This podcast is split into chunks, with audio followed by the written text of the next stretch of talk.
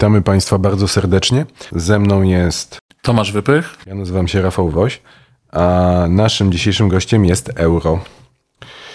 Euro, waluta y, Unii Europejskiej, nie we wszystkich krajach y, stosowana, ale jednak y, wspólna unijna waluta, do której przyjęcia, jak, jak lubią powtarzać zwolennicy euro w Polsce, zobowiązaliśmy się podpisując traktat akcesyjny. Czy powinniśmy mieć euro, Tomku, w Polsce? Nie do końca. Kiedyś myślałem, Nie że... da się mieć nie do końca. Ja wiem, Albo w ciąży będziemy trochę mieć, nie można będziemy nie mieć.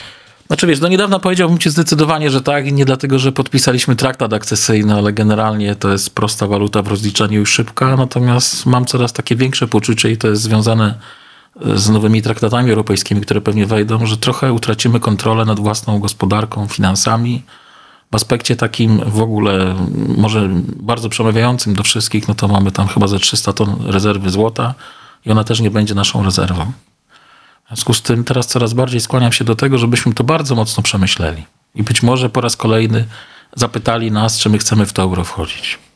A ja uważam, że akurat tutaj nawet myśleć nie trzeba, po prostu e, jest to dla mnie zupełnie oczywiste, że wejście do strefy euro dla takiego kraju jak Polska dziś w roku 2023, 2024, pewnie i 2025, 2026 e, to jest, to byłby błąd. To znaczy my jako kraj będący tu i teraz na takim poziomie rozwoju, jeżeli chcemy prowadzić e, jakąkolwiek politykę e, doganiania. Zawahałem się przez chwilę, bo zastanawiałem się, czy to, e, czy to dobrze zabrzmi, ale nazwijmy to w ten sposób. Politykę e, e, e, nadganiania albo kontynuowania pewnego procesu, który, w którym jesteśmy, procesu konwergencji, zbliżania się do e, e, e, poziomów e, rozwoju gospodarczego i dobrobytu krajów z Europy Zachodniej, e, euro wprowadzać e, nie powinniśmy. Dlaczego? Bo, mówiąc krótko, e, nie będziemy mogli tego zrobić. To znaczy wejście do strefy euro mm, odbiera krajowi e, oddającemu e, suwerenną walutę na rzecz waluty wspólnej, e, oddaje, odbiera demokratycznym politykom w tych krajach prawo do prowadzenia autorskiej, w razie potrzeby innej niż chciały kraje rozwinięte polityki gospodarczej. Bo w momencie, kiedy my stracimy taką możliwość, e, nie będziemy mogli em, konwergencji e, kontynuować. E, Może nawet e, zaczniemy się od e, tej Europy znowu od, oddalać. I przykładem e, takiego, takiej właśnie pułapki, być może najlepszym przykładem e, takiej pułapki jest taki kraj jak Włochy. Kraj, który e, w zasadzie przez 20, może nawet trochę więcej, przez jakieś dwie dekady mm, zbliżania się do Unii Europejskiej, wchodzenia, do, znaczy do integrowania się z, e, ze strukturami e, integracji gospodarczej w Europie, jeszcze się wtedy to nie nazywało Unią Europejską, e, bardzo mocno nadganiał, ale w momencie, kiedy Włosi zdecydowali się na wejście do przyjęcie wspólnej waluty, uczestnictwo w tym e, projekcie i zostali zamknięci w jednym obszarze gospodarczym e, z krajami e, trochę innym profilu gospodarczym. Rozwój gospodarczy Włoch się zatrzymał i obecnie Włosi są w zasadzie, jeśli chodzi o porównanie rozwoju do swojego wielkiego rywala Niemców, w dużo gorszej sytuacji niż byli 15 e, 17 lat temu. To daje im bardzo mocno do myślenia i również z tego powodu mówię Polsce nie, nie i na razie na pewno nie. Wiesz, tak sobie myślę, że to jest z jednej strony bardzo takie szlachetne i patriotyczne, co mówisz, a z drugiej strony trochę takie z całym szacunkiem XIX-wieczne, nie? że te państwa były osobne i generalnie wszyscy sobie tam dziergali po swojemu, no bo ja nie widzę na przykład y, tego, że kraje, które są w strefie euro, choćby nie mogą skonstruować własnego budżetu. Mają własne banki narodowe, te banki konstruują budżety, ta gospodarka się rozwija. Z sympatią dla Włochów, której mam bardzo dużo, no to nie jest jakiś tam tygrys gospodarczy nie był, nawet jak były liry, tak, we Włoszech. Też się śmieliśmy, bo te liry się prawie na wagony płaciło w setkach tysięcy. W związku z tym wydaje mi się, że taka obawa jest trochę na wyrost. To jest jakby jedna rzecz. Druga rzecz, trzeba się też zastanowić, kogo my gonimy w tej Unii Europejskiej. No bo jak się popatrzy na gospodarkę światową, no to Unia Europejska, Europa w ogóle jest trochę takim powoli tygrysem na glinianych nogach, tak? Na własną prośbę oczywiście, bo nie ma dobrej polityki demograficznej, bo gdzieś tam e, podobnie jak inne kraje wyprowadziliśmy produkcję poza obszar europejski i generalnie wydaje mi się, że być trochę słabym krajem, a takim cały czas jesteśmy krajem na dorobku. W słabym organizmie to już jest w ogóle kiepsko, więc być może jednak trochę trzeba się podłączyć pod ten obieg pieniądza, który, no umówmy się, bo wiem, że wisi to w powietrzu, który generują przede wszystkim Niemcy i Francja. No ale zobacz, mm, mówisz o XIX wieku i o tym, że są te kraje, mm, e, że to jest myślenie takie właśnie w kategoriach e, państw narodowych i że Tak. teraz już tak nie powinniśmy myśleć. No ale mamy, dopóki mm, świeci słońce i dopóki sytuacja jest dobra, e, a na, na horyzoncie, na niebie nie ma żadnych chmur, jest dobra koniunktura, mm, jest wszystko w porządku. I też w zasadzie nie było krytyki e, wspólnej waluty euro aż do kryzysu 2008 roku. Ta pierwsza niecała dekada e, istnienia e, wspólnej waluty była taką rzeczywiście walutą, gdzie ta narracja o pewnej nieuchronności mogła kwitnąć. No ale potem przyszedł kryzys 2008 roku, a zaraz po nim tak zwany kryzys zadłużeniowy w Europie, który był de facto kryzysem mm, e, właśnie wspólnej waluty euro i jej konstrukcji. I, I okazało się, że tak, y, że ma nagle znaczenie, czy e, miałeś ten życiowy fart, że urodziłeś się, e, nie wiem, w, mm, jako obywatel niemiecki i mieszkałeś w Düsseldorfie, Hamburgu czy Berlinie, czy też na przykład byłeś obywatelem greckim i mieszkałeś w Salonikach albo w Atenach. Dlaczego miało to znaczenie? No bo gdy przyszedł ten kryzys e, i było uzasadnione zresztą oczekiwanie wobec polityków, żeby e, obywateli przed tym kryzysem jakoś mm, osłonili, ochronili. Po to mamy polityków, prawda? Po cóż innego oni mieliby tam być, jeśli nie po to, żeby e, nas chronić przed różnymi zawirowaniami. No to jakoś e, zdarzyło się jakoś niby i w jednym i w drugim kraju, niby w Niemczech i w Grecji ta sama waluta, więc nie powinno być różnicy pomiędzy tym, czy się jest z tego kraju, czy z, czy z tamtego kraju, a jednak e, w, w sytuacji emeryta, e, użytkownika państwa dobrobytu, e, który korzysta ze służby zdrowia, z, z, z, ze szkolnictwa, z wiem, pomocy e, różnego typu, miało to znaczenie, czy się było Niemcem, czy się było Grekiem. W Niemczech generalnie e, było łatwiej i też a, a, w, a, w, a w Grecji trudniej. Też była migracja z jednego kraju do drugiego. Jakoś taka nie do końca e, też e, przez e, od pewnego momentu akceptowana.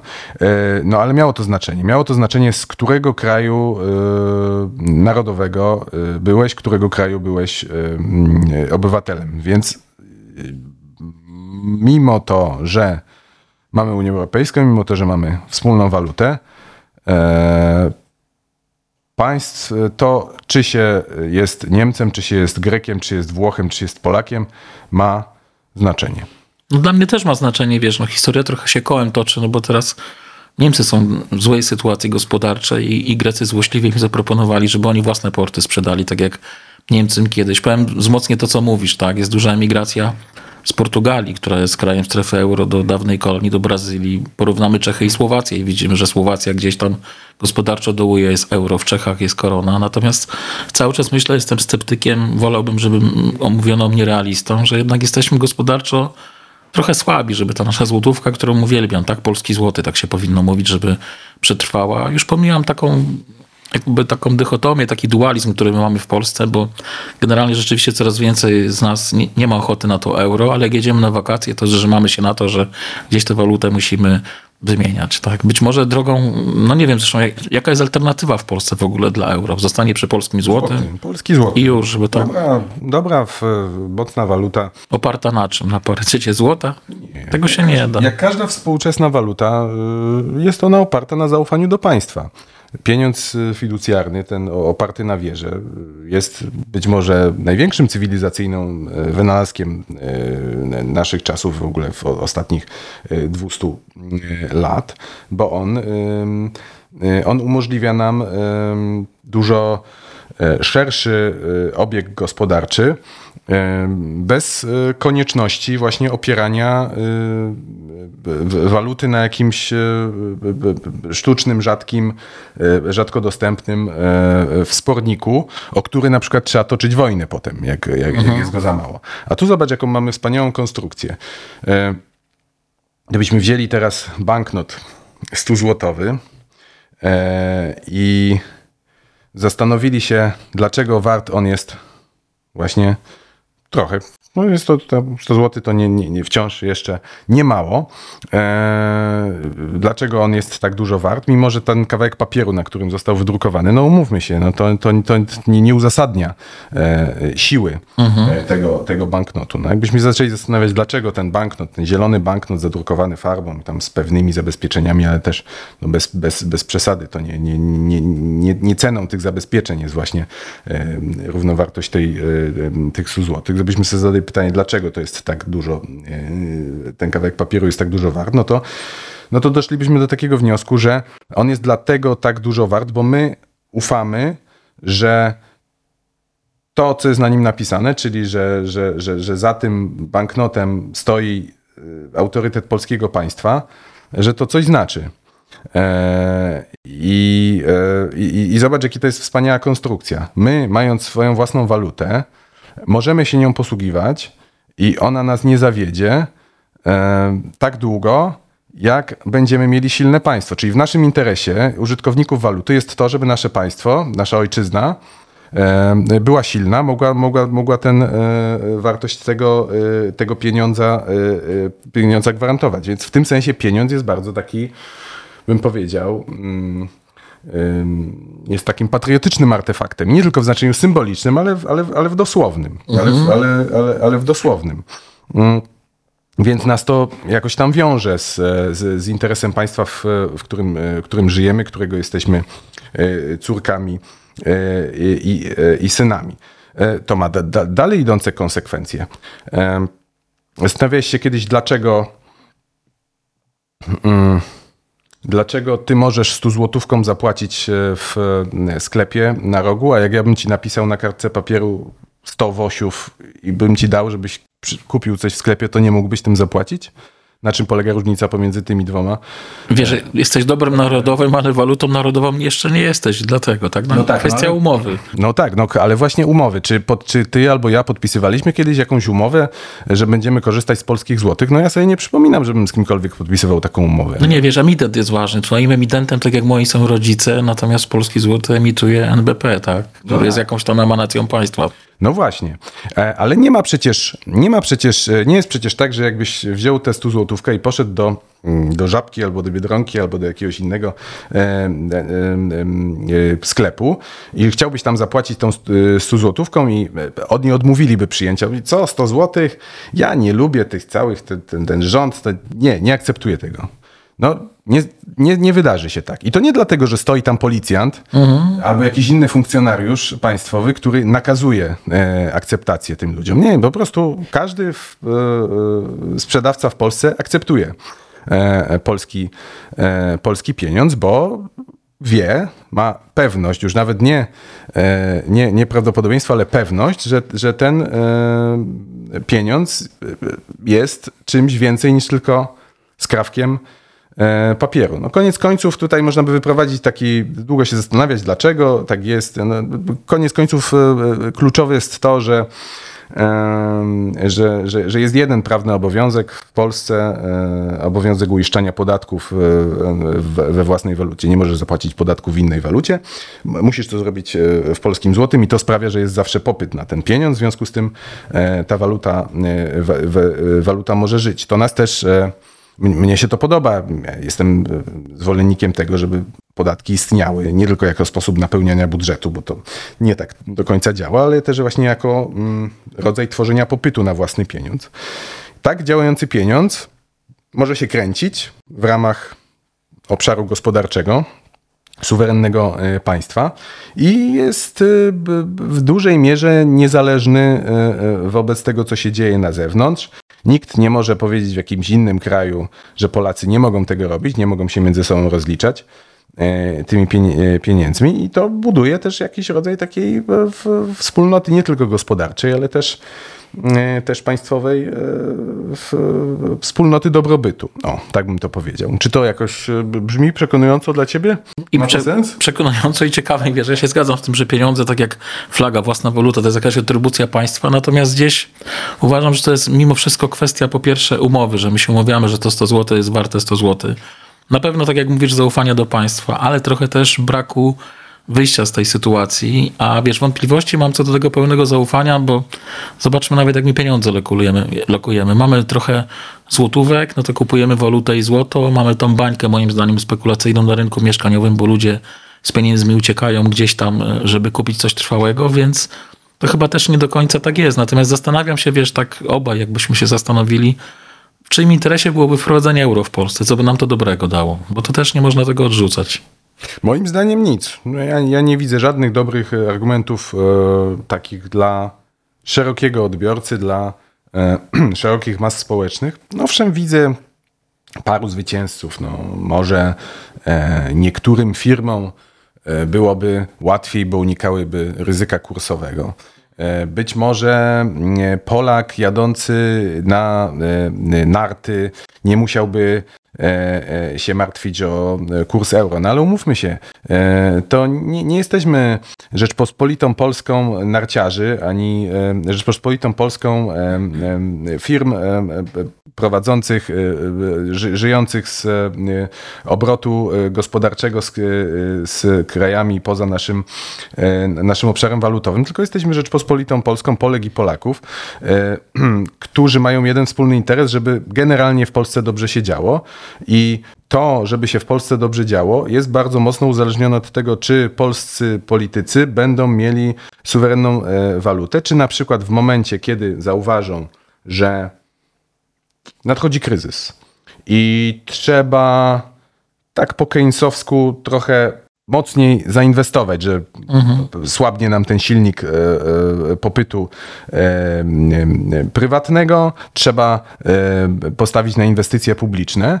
E, No to proszę bardzo, mogą to zrobić polscy politycy, ponieważ e, to od polskich polityków, e, czy to od rządu, czy od banku centralnego zależy, od, zależy to, czy będą na to pieniądze. Gdybyśmy tej waluty nie mieli, musielibyśmy o takie, taką zgodę prosić gdzieś indziej u, u, u ludzi, którzy nie mają demokratycznego mandatu e, u, od naszych obywateli, więc niekoniecznie interes Polek i Polaków musi być dla nich e, ważny. Albo inna, in, in, inna sprawa. I jest problem e, z, e, z wy- wymianą handlową Polski i e, istnieje potrzeba wzmocnienia albo osłabienia złotego e, w celu właśnie poprawy tego, e, tego bilansu, żeby go zbalansować trochę, żeby właśnie on nie był w jedną stronę albo- w drugą e, źle wychylony. No to znowu możemy to zrobić, dopóki mamy e, suwerenną walutę, natomiast gdy się jej pozbywamy, no to już jesteśmy, musimy prosić o zrobienie takiej przysługi e, Bank Centralny e, Europejski, który znowu niekoniecznie powie nam tak, owszem, zrobimy to, co, nie, to, co chcecie. Powiem tak, e, z tych argumentów, które przytoczyłeś, to przekonuje najbardziej mnie to, że jak już mamy własną walutę, to to jest takie zobowiązanie, żeby o nią dbać. To jest taka rzecz dla mnie najważniejsza. Chciałbym, żebyśmy o nią dbali, natomiast tak sobie myślę, rozmawialiśmy też o futurologii, że może zdarzyć się w ogóle tak, że nie będzie ani euro, ani polskiego złotego, ani dolara, bo przejdziemy na jakieś bitcoiny albo inne tego typu rzeczy. Natomiast myślę, że to jest problem posiadania lub nieposiadania euro. To jest tak na, na tyle złożony, że często będziemy wracać. Życzmy sobie, żeby złotówka była nasza, mocna i, i taka, której ufamy. To prawda, to prawda. E, nie- Niech, niech, niech tak będzie, niech takie życzenia, e, niech takie życzenia e, e, popłyną. Czy strefa euro jest optymalnym obszarem walutowym, czy i w którą stronę pójdą jakieś zmiany w strefie euro i czy Polska będzie i powinna w tym uczestniczyć? To są bardzo ważne pytania na przyszłość i my oczywiście tego nie wyczerpiemy. E, Państwa zachęcam do tego, żeby mm, patrzeć na to chłodnym okiem, żeby się nie bać tych tematów, żeby nie mówić tak, y, jakby, żeby nie, nie następowało takie nie, my- my- mylenie debat. Bardzo często można powiedzieć, no my musimy wejść do strefy euro, bo nie chcemy, żeby e, wpaść w mm, szpony Rosji. No, jest taki argument, prawda? Geopolityczny, bo my musimy być blisko Zachodu, e, w, związku z tym musimy operować tym pieniądzem. No, nie, nie do końca tak jest. E, Nie, nie, nie mylmy tych, tych, tych pojęć, nie mylmy debat. Możemy być jednocześnie w Europie, możemy być jednocześnie w Unii Europejskiej, możemy być jednocześnie w sercu Zachodu, tak jak e, wiele krajów jest blisko serca integracji europejskiej. Duńczycy, Szwedzi na przykład a niekoniecznie y, przystąpić do obszaru wspólnej waluty. Musimy się zastanawiać, czy ten obszar jest obszarem optymalnym, czy jego e, wprowadzenie w życie nie było przedwczesne i wreszcie, czy rzeczywiście e, w, na zachodzie Europy po kryzysie tym zadłużeniowym z lat 2012-15 wyciągnięto wszystkie wnioski i konsekwencje z przebiegu tych e, kryzysów. O tym warto się zastanawiać i trochę do tego dzisiaj chcieliśmy Państwo tą naszą rozmową e, zachęcić. Bardzo Ci Tomku dziękuję. Dziękuję też. E, Z Państwem słyszymy się e, już niebawem w następnym odcinku.